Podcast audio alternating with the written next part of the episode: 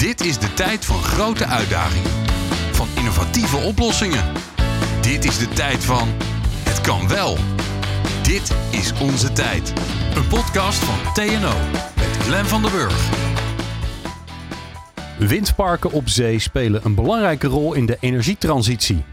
Deze sector staat aan de vooravond van een grote groei.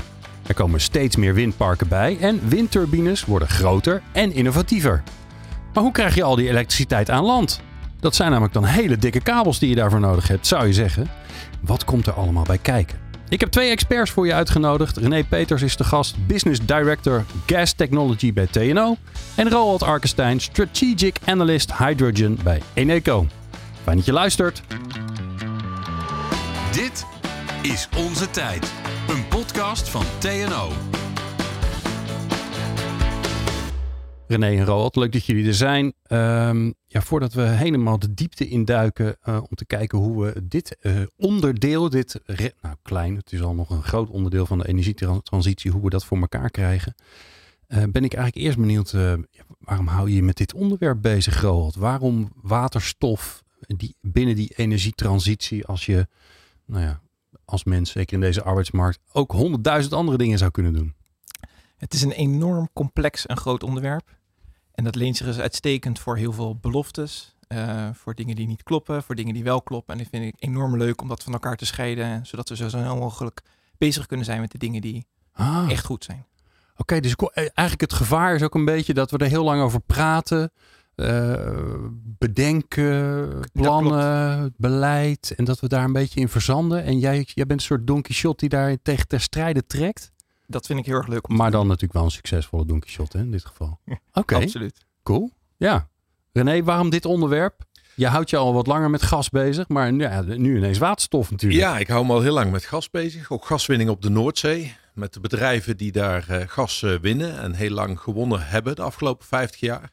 Maar ja, we staan nu op een uh, transitiepunt waarin we naar duurzame energie gaan. En ook die bedrijven gaan allemaal nadenken over hun toekomst. En ik vond het heel leuk om met hen uh, ja, na te denken, wat, wat komt er na olie en gas? Uh, nou, natuurlijk komt er heel veel elektriciteit, want we gaan heel veel windparken bouwen. We bouwen ook heel veel zonneparken op land en misschien in de toekomst ook wel op zee. Um, maar het energiesysteem heeft zowel elektronen en moleculen nodig. En de vraag is, wat worden die moleculen van de toekomst? Ja, en ik ben ervan ja, overtuigd dat waterstof erin gaat worden alle niet uh, natuurkundig geschoolde, me geschoolde mensen die, die, die naar deze zin, we hebben elektroden, elektronen en moleculen nodig, die denken, oh, hoe was het ook alweer? Dus help ons daar even bij. Waarom zijn ze allebei belangrijk? Nou ja, eigenlijk uh, vrij simpel. Als je een uh, apparaat aan wil zetten uh, dus je radio thuis, uh, de koelkast, uh, die heeft elektronen nodig, stroom. Ja, ja, die gaan door draadjes. Ja, maar ja. als ik in een chemische plant plastic wil maken of een product wat we in alledaagse gebruik nodig hebben, dan gebruiken we daar nu olie en gas voor. En dat zijn moleculen. Aha. En van elektriciteit kun je geen producten maken.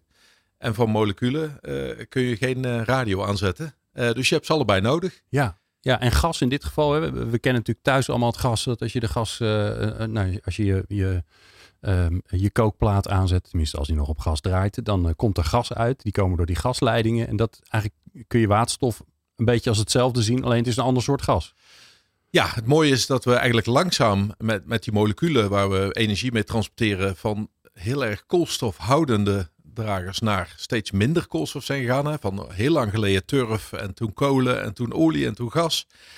En waterstof is eigenlijk het laatste element waar helemaal geen koolstof meer aan zit, maar nog wel een energiedrager is. Dus die kunnen we als alternatief voor gas en ook overigens voor, voor olie of voor kolen in sommige gevallen inzetten als energiedrager.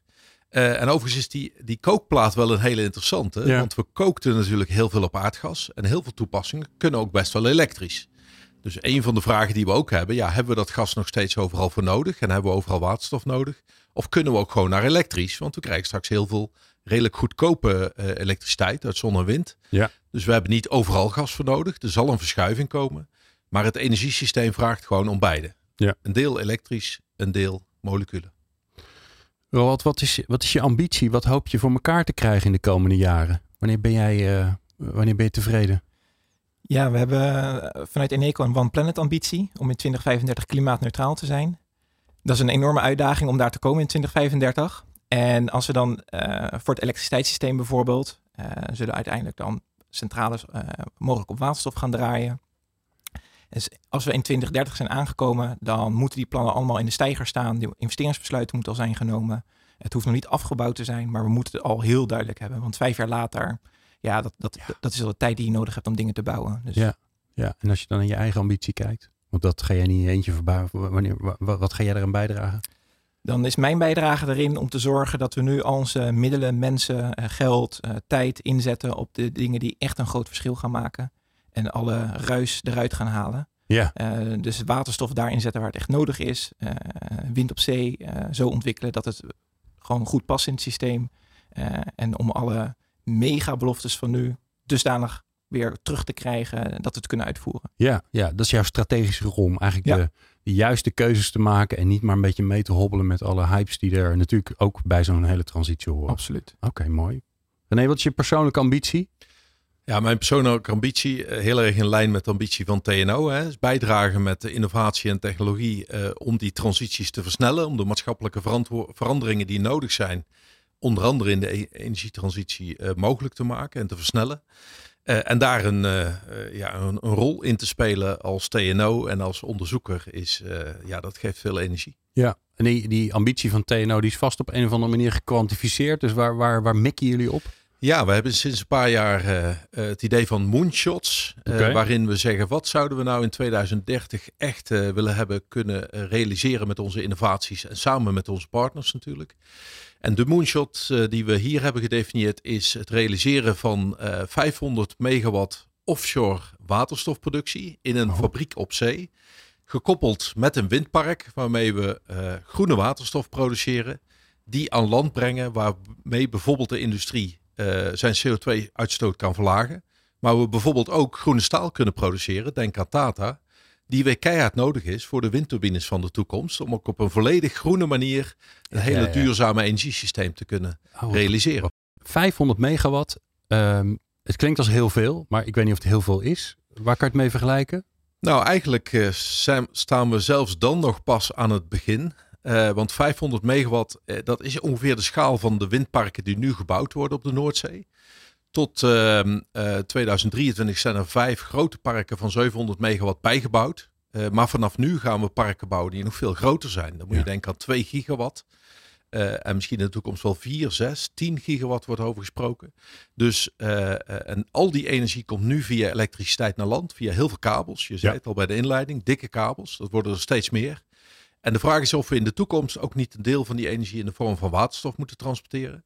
Ja, en dan is dus 500 megawatt eigenlijk nog maar de kleinste schaal om een windpark uh, in de vorm van waterstof naar land te brengen. Dus hebben we waarschijnlijk heel veel van die platforms nodig. Ja, maar ja, dat is natuurlijk de rol van TNO om ervoor te zorgen dat zo'n eerste stap gezet wordt.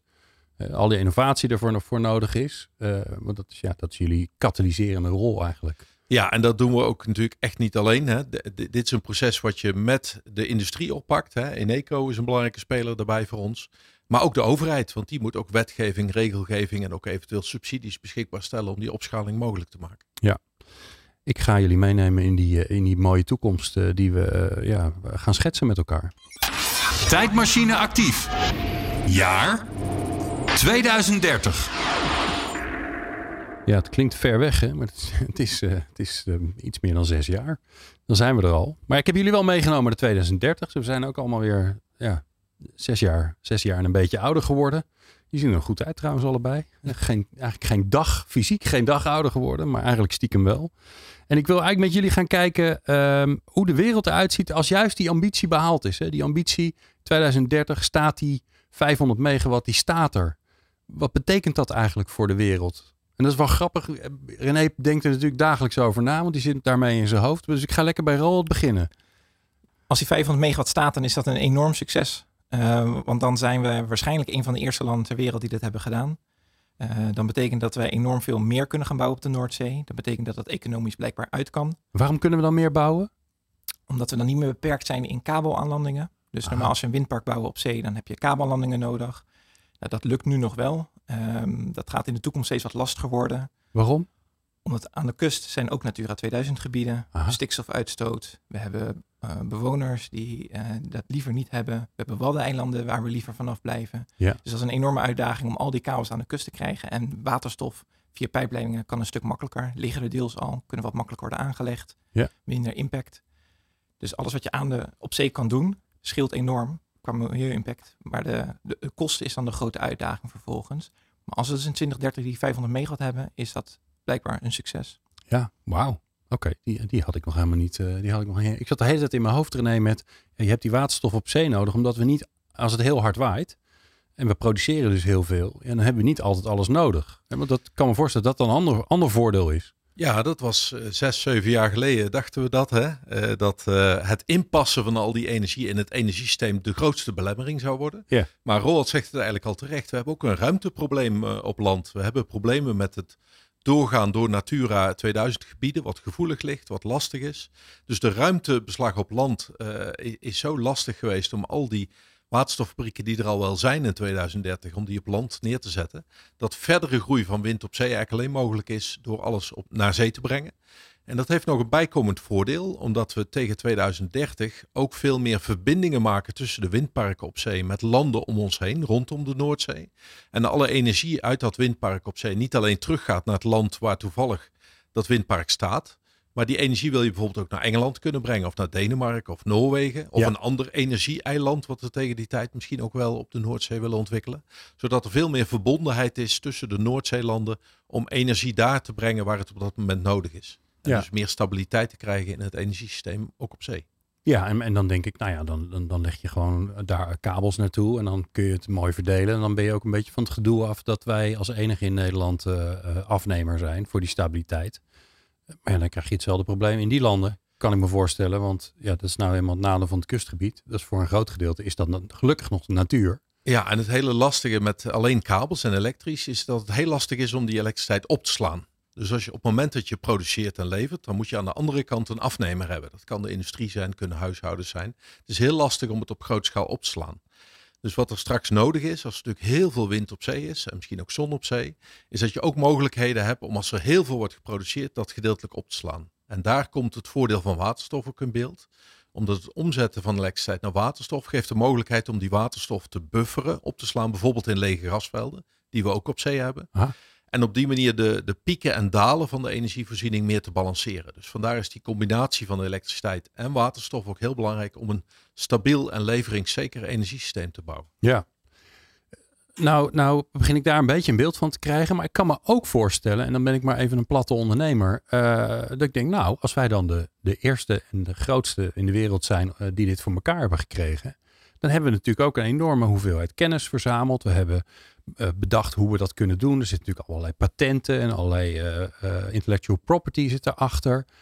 Eh, Hoe zit dat, René? Is, is dat ook een, een kant van deze ontwikkeling? Dat je zegt, ja, Zeker. we zijn ook gewoon economisch bezig. Zeker. De, de belangrijkste drijfveer is natuurlijk die energietransitie versnellen. De ruimte die wij hebben voor wind op zee maximaal proberen te benutten.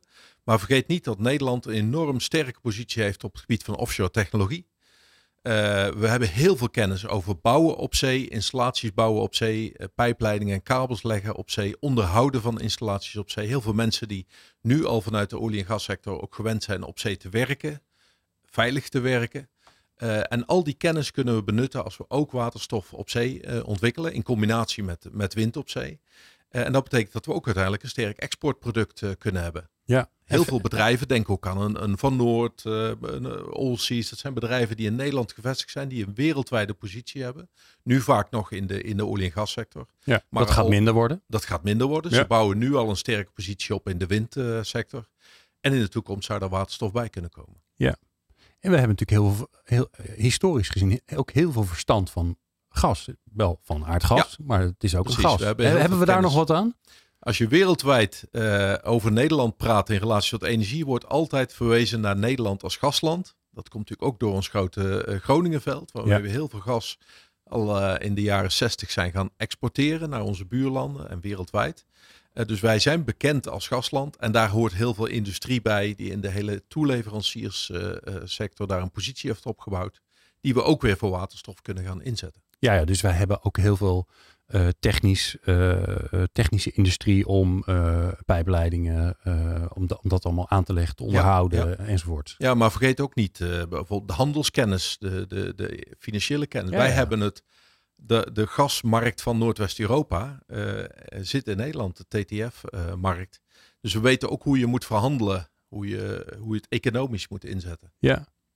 Wat betekent dit voor Eneco? Wat betekent dit voor het bedrijf?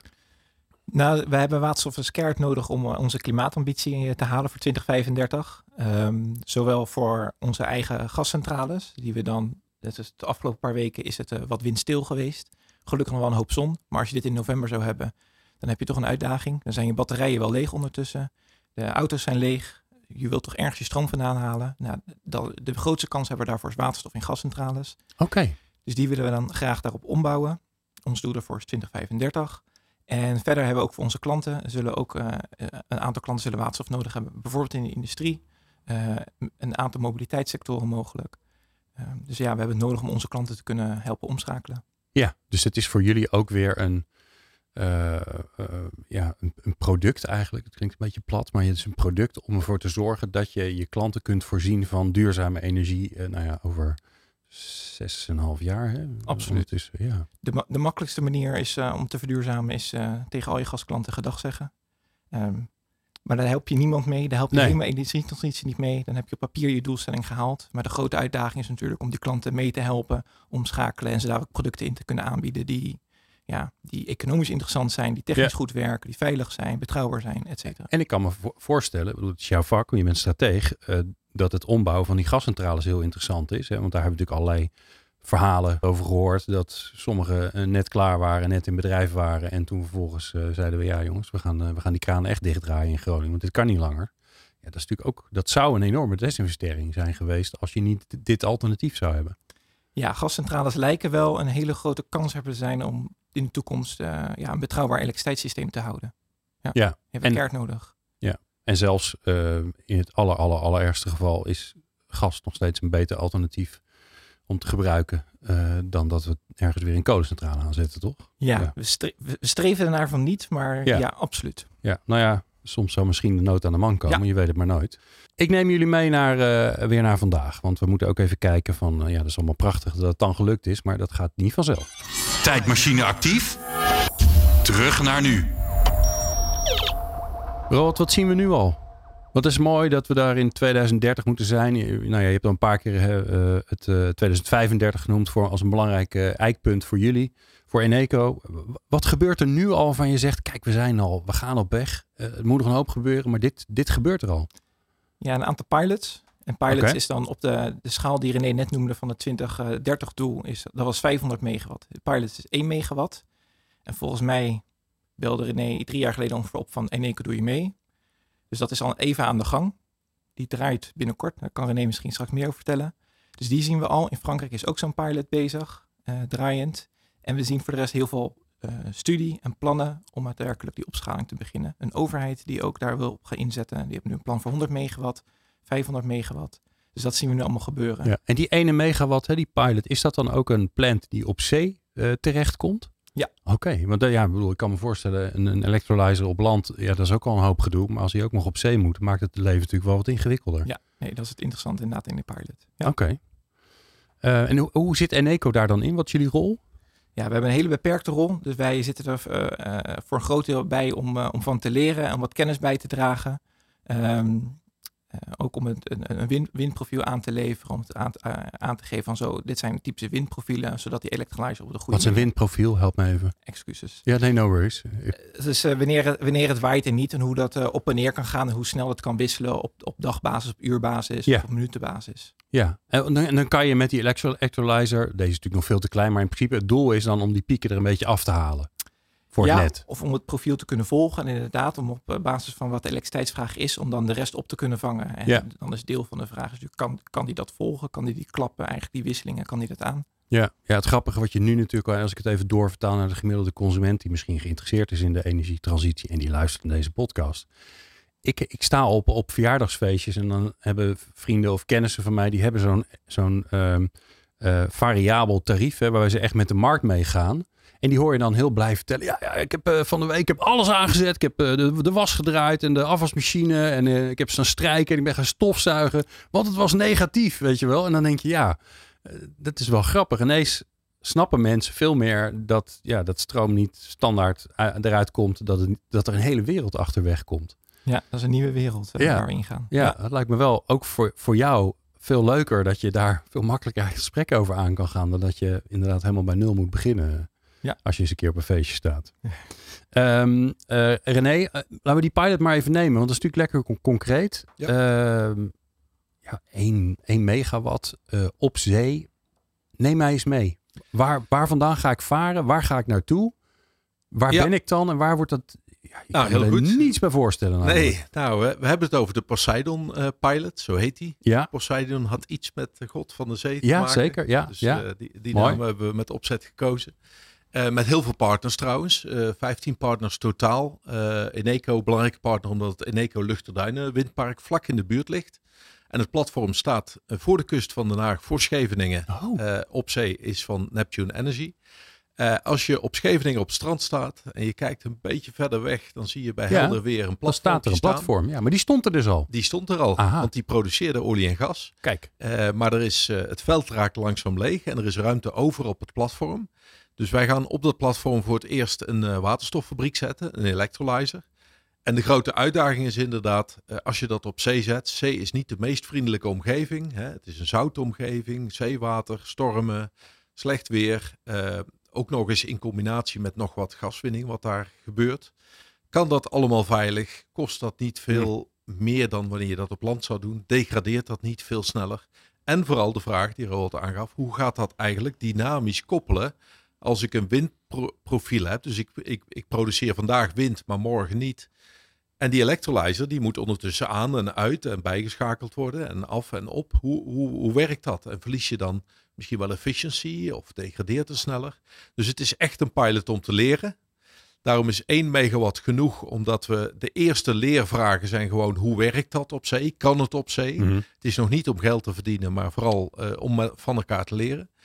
Ook hele andere dingen. Hoe krijg ik eigenlijk een vergunning van de overheid om een waterstoffabriek op zee te zetten? Want dat is helemaal nog niet geregeld in standaardwetgeving. Oh, oké. Dus er zijn nog heel veel zaken die we hiervan eh, moeten leren.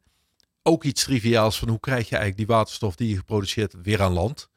Eh, kan dat gewoon bij het gas bijgemengd worden? En als je dat doet, hoe gaan de gebruikers op land daarop reageren? Accepteren die dat of moet je die Ja. aanpassingen doen? Ja, want die leiding naar dat platform ligt er natuurlijk ook al. Er Precies, er ligt een leiding in het platform, da- naar het platform. Dat is het mooie, want we mengen dus de waterstof bij in het gasnet, in de gasleiding die al van het platform naar de Maasvlakte gaat. Oké.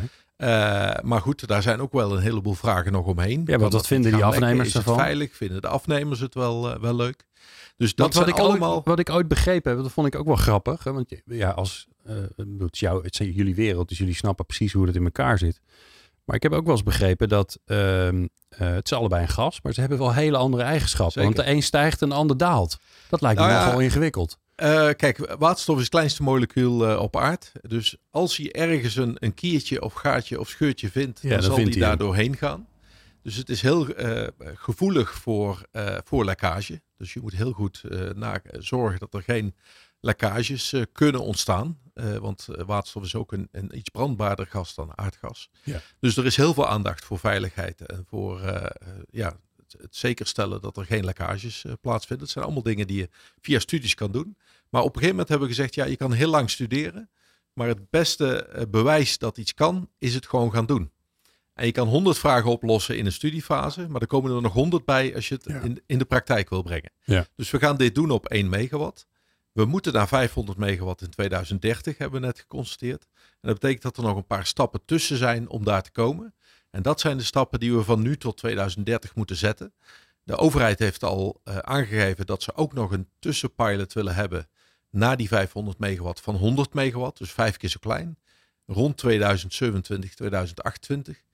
En misschien Moet moet, die nog wel een, gebouwd zijn? Moet die, moet die in bedrijf moet die zijn? In bedrijf zijn, Oh, operationeel. Dus dat betekent dat we daar echt volgend jaar als Kijk, die ogen van René besluit die over gaan, moeten gaan we naar een partij glimmen. Die denkt, ja, super gaaf. 2027 moet die alweer klaar zijn. Ja, En je kunt je afvragen of daarvoor zelfs misschien nog niet een kleinere pilot tussen moet. Ja, want die Van- tweede is al honderd keer zo groot als Precies. de eerste. Dus Ja. misschien moet je wel van 1 naar 5 of naar 10. En dan naar 50 of 100. En dan naar 500. En dat moet allemaal binnen 6 tot 8 Ja. jaar.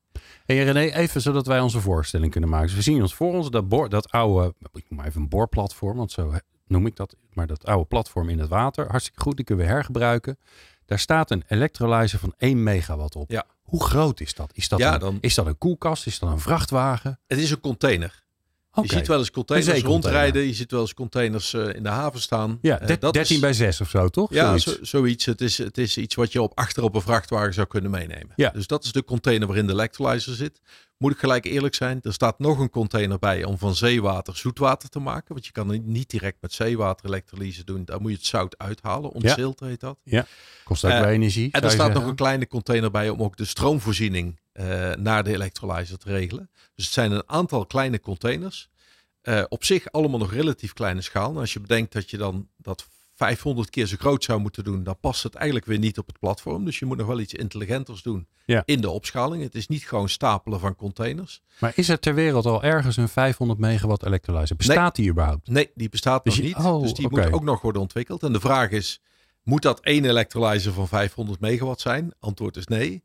Maar zijn het er 500 van 1 megawatt? Ah, of, Of 5 van 100? Ja, ja. 100 van 5 megawatt? Ja, dat zijn allemaal nog optimalisatievragen die we nog eh, moeten uitvinden in de komende jaren. Dus Ja. nog heel veel werk te doen. Ja. Eh, Roald, wat is de. eh, bedoel, we zijn hoopvol, dat is mooi. Maar we zien ook hoe wat de uitdaging is. Wat zijn de spannende vragen voor Eneco die, eh, die- die gekraakt moeten worden? Ja, dat is een stuk overheidsbeleid. Dus hoe consistent zal de overheid hierop blijven inzetten? Ik denk de afgelopen jaren heeft de overheid wel laten zien dat ze het echt heel graag willen. Ja. Eh, nog steeds moeten de eerste subsidies nog wel loskomen.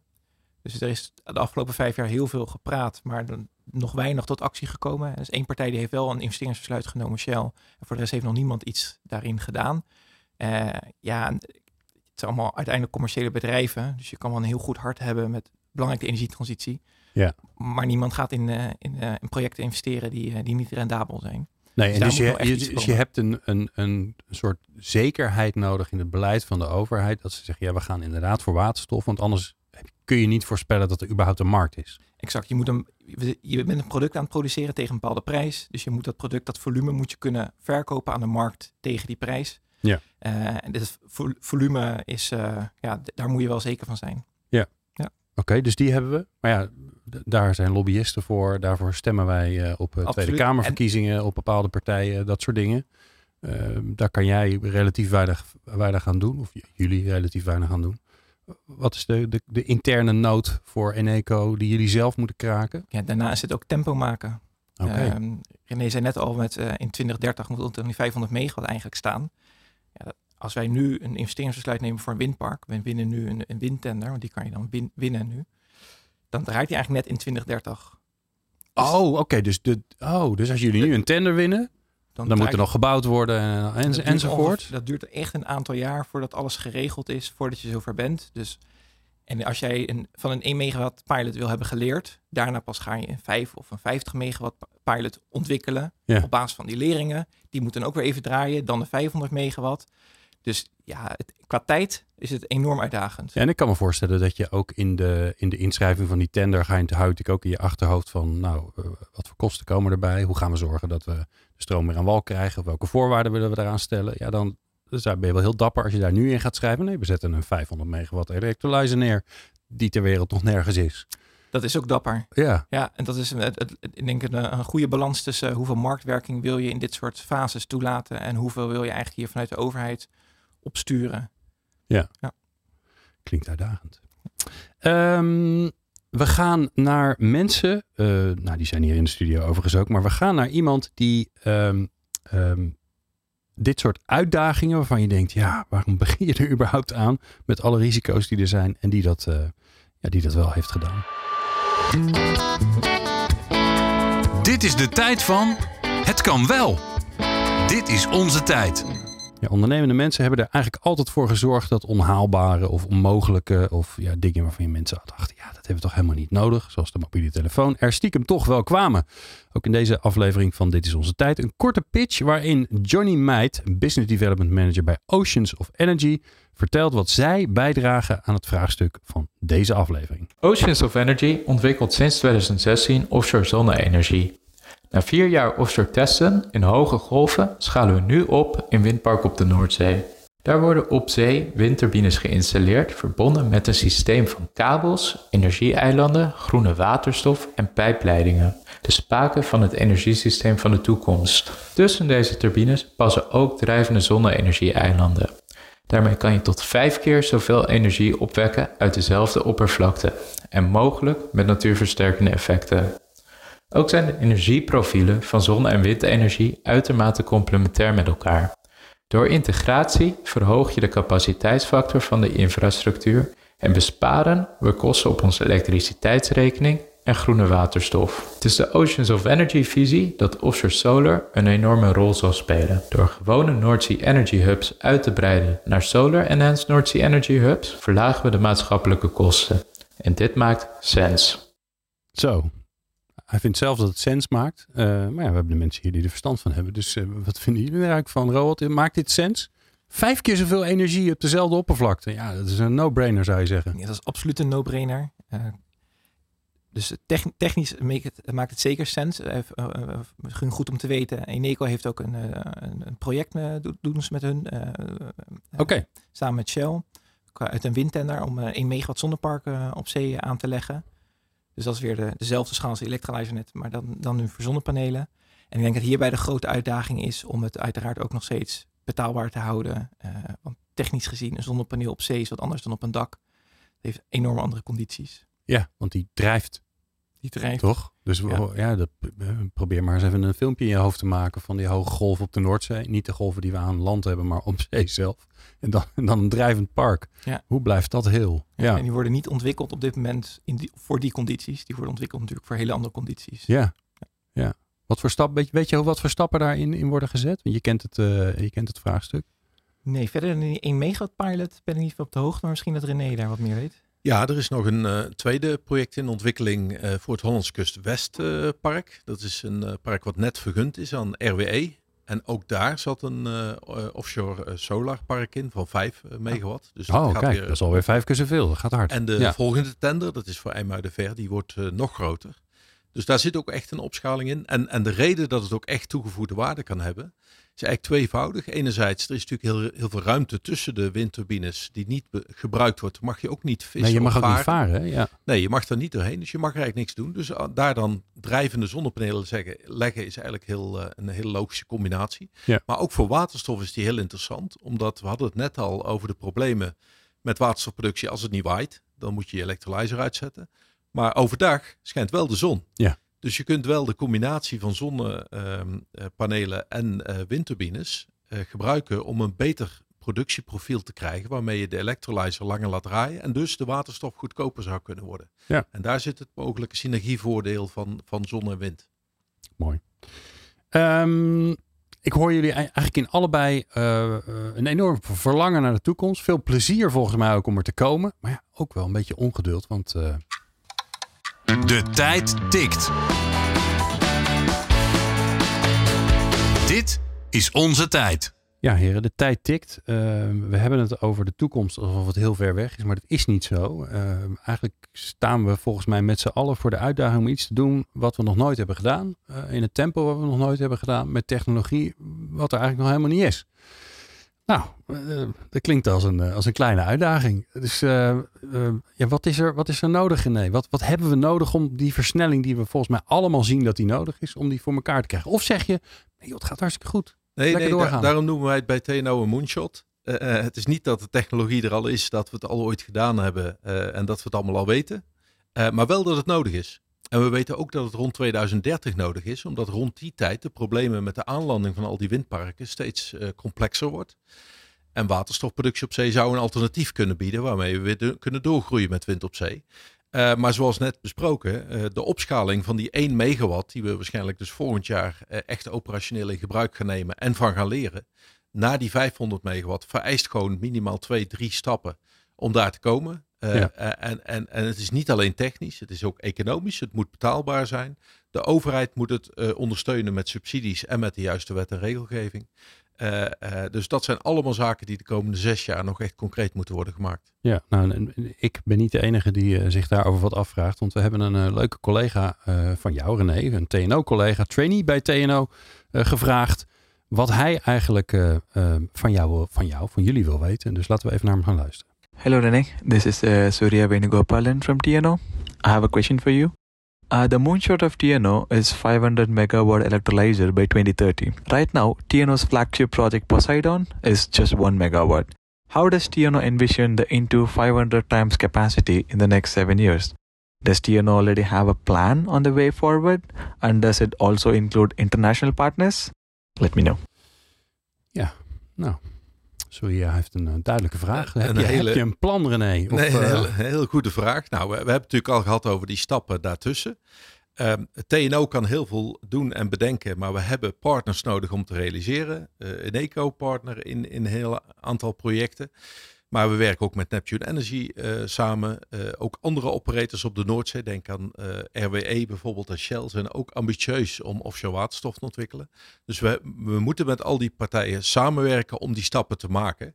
En wij zijn nu bezig met de volgende stap om richting 5 megawatt te gaan. Nou, de overheid heeft de twee demo's gedemonstreerd. Je merkt dat dat in de sector tot heel veel interesse en, en actie eh, leidt. Ook in de toeleveranciersketen, dus de electrolyzerfabrikanten, de systeemintegratoren, allerlei partijen die een rol zien eh, voor deze markt. Ehm, en ik denk dat ook een rol van TNO is, en dat noemen wij eh, Orchestrating Innovation, om dat netwerk bij elkaar te brengen, eh, consortiums te bouwen en te zorgen dat die pilots ook werkelijk gaan ontstaan en, en gebouwd worden en gerealiseerd worden. Ja, nou, nou doen jullie niet anders dan dit soort ontwikkelingen ehm, eh, aanjagen, eh, zowel technisch, maar ook met het bij elkaar brengen van de partners. Dus jullie hebben ook heel veel ervaring van ja, hoe, hoeveel tijd heb je daar nou voor nodig? Hoe, hoe lopen de hazen? Hoe breng je ze bij elkaar? Wanneer komen mensen in actie? Hoe zit het met de hockeystick? Hè? Want waarschijnlijk gaat die ontwikkeling op een gegeven moment exponentieel aan de slag. Ja, dan zou, kan je ook voorspellen of het, of het gaat lukken, zou je zeggen. Ja, want dat betekent dat we hier eigenlijk op een andere manier moeten gaan innoveren en versnellen dan we traditioneel gewend zijn. Aha. Traditioneel zouden we eerst een pilot doen van 1 megawatt. Dan gaan we de learnings daaruit halen. Wat hebben we geleerd? Wat ging er mis? Wat kan er beter? Dan maken we de volgende pilot, 10 keer zo groot, 5 keer zo groot. En dan duurt het veel te lang, dan halen we het niet. Dus we moeten nu gaan leren van het project, al voordat het afgerond is. Aha. Maar er zitten natuurlijk heel Maar het veel klinkt alsof je een beetje dakpansgewijs... hè, Dus in plaats van eh, serieel ga je een beetje dakpansgewijs. Exact, exact. Dus je gaat leren al uit het voorbereidingsproces, het ontwerpproces, het vergunningenproces, wat je al kan gebruiken voor de volgende pilot. Terwijl je de eerste pilot eigenlijk nog aan het bouwen bent en aan het installeren bent. En zo probeer je de leerpunten in de verschillende fases van het project al veel sneller over te nemen naar de volgende pilot. En op die manier de, de, de opschaling te versnellen. Ja, Roald, nou, nou helemaal aan het begin zei je van ja, kijk, eh, het, sp- het spannende bij ehm, dit soort grote transities is ook dat er heel veel ehm, ballonnetjes, eh, luchtballonnetjes worden gemaakt die als je ze doorprikt niet zo heel erg stevig blijken te zijn. Ehm, m- m- als jij nou kritisch hiernaar kijkt, hè, want dit klinkt natuurlijk fantastisch en ik, volgens mij hebben we dit ook nodig. Aan de andere kant kan je, moet je ook tegen dit, sommige van deze projecten zeggen, ja, dit gaat hem niet worden. Ik heb er even goed naar gekeken. Dit is zo'n luchtballonnetje. Waarom is dit niet een luchtballonnetje? Nou, dat weet je pas als je daadwerkelijk gaat bouwen. Ja, En de beste manier, de snelste manier om uit te vinden of het een luchtballonnetje is, is door wel te gaan starten. Oké. Ehm, en er is ook zeker een scenario dat we uiteindelijk eh, st- stoppen met wind op zee bouw- uitbouwen, verder bouwen en zeggen ja, met waterstof dat is geen combinatie. Dat is zeker een scenario. Er is geopolitiek best wel wat voor te zeggen om het toch wel te willen. Dus daarom is het goed als we wel veel inzetten om, het wel te, om daar wel te komen. Ja. En misschien ook nog aanvulling op, op René van eh, hoe, hoe, hoe krijg je nou die tijd goed in elkaar? We werken nu, we denken nu in Nederlandse plannen, Nederlandse partijen in de Nederlandse Noordzee. Maar ja, er zitten nog genoeg landen om ons heen. Dezelfde Noordzee, dezelfde wind op zee, behoefte, noodzaak. Zelfde vraagstukken. Ja. Exact. Als we daarin kunnen samenwerken, dat zij die ene pilot doen, wij pakken die andere pilot, dus dat jij ook nog eens van kan leren. Ja. Dan kan je nog eens wat meer versnellen en je hebt misschien wat, eh, wat meer budget om die kennis eh, sneller te, ontg- te ontginnen. Dus dat is, eh, Ja. Ja, en hoe meer partijen, hoe complexer, hoe meer belangen, hoe meer gedoe, hoe langzamer ook wel weer. Dus ja, hoe combineer je die twee? Nou, dat is een interessant. Het wordt een, een goede North Sea Wind Power Hub. Ehm, die is, is een samenwerking tussen GasUnie, uh, Tennet en Energie. Energienet. Ja. ja, dus de Deense uh, Tennet eigenlijk. Die, uh, die studeren nu heel veel. Dat is een samenwerkingsverband. Die studeren heel veel op dit soort onderwerpen, zoals waterstof op zee, maar wind op zee, aanlandingen. En dan zie je wel dat dat genereert kennis en dat versnelt het wel. Je hebt gelijk, dat moet je misschien niet met tien verschillende partijen doen, maar een beetje samenwerking helpt heel veel. Mooi. Ik dank jullie zeer uh, voor, jullie, uh, voor de inzicht in dit, uh, dit interessante deel van de, van de energietransitie. je hebt geluisterd naar René Peters, Business Director Gas Technology bij TNO. En Roald Arkestein, Strategic Analyst Hydrogen bij Eneco. Dank jullie wel. Dankjewel voor het luisteren naar Dit is Onze Tijd. Een podcast van TNO. Wil je meer weten of luisteren? Ga dan naar tno.nl slash podcast Dit is Onze Tijd. TNO. Innovation for Life.